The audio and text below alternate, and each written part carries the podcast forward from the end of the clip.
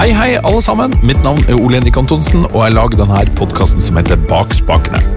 Her intervjuer jeg låtskrivere, produsenter og teknikere, de som vanligvis sitter bak spakene.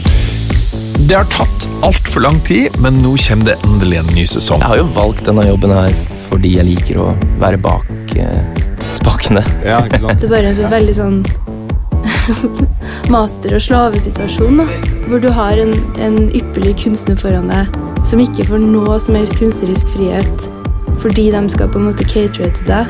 Og hvis de ikke gjør det, så kanskje jeg ikke liker det, og da vil jeg ikke gi det ut. Jeg husker den dagen jeg fikk lov til å lage en Dressmann-reklamelåt.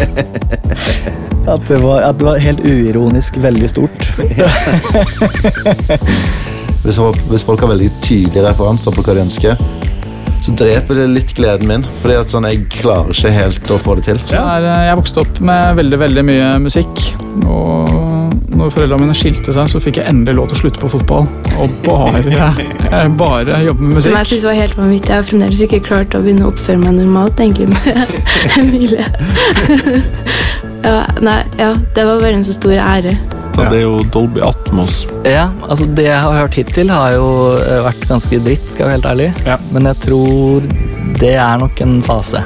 Det, det er faktisk, en, det er faktisk en, den flaueste pedalen jeg eier. Siden det er sånn, det er sånn Dream Theater eh, eh, custom eh, choruspedal. Ja, det, det, er så, det er så opplegg. Du kan til og med laste ned sånn Den, den, den har til og med sånn USB-inngang. Men jeg har prøvd å ha en litt sånn approach på, på miksing. Litt mer liksom eh, amerikansk. Eller sånn punchy pop enn scandy. Fordi jeg har aldri vært veldig kul. Skjønner du? Jeg, jeg er en stor sucker for, eh, for bare gode popmelodier. Ja, det var litt av det du snart skal få høre.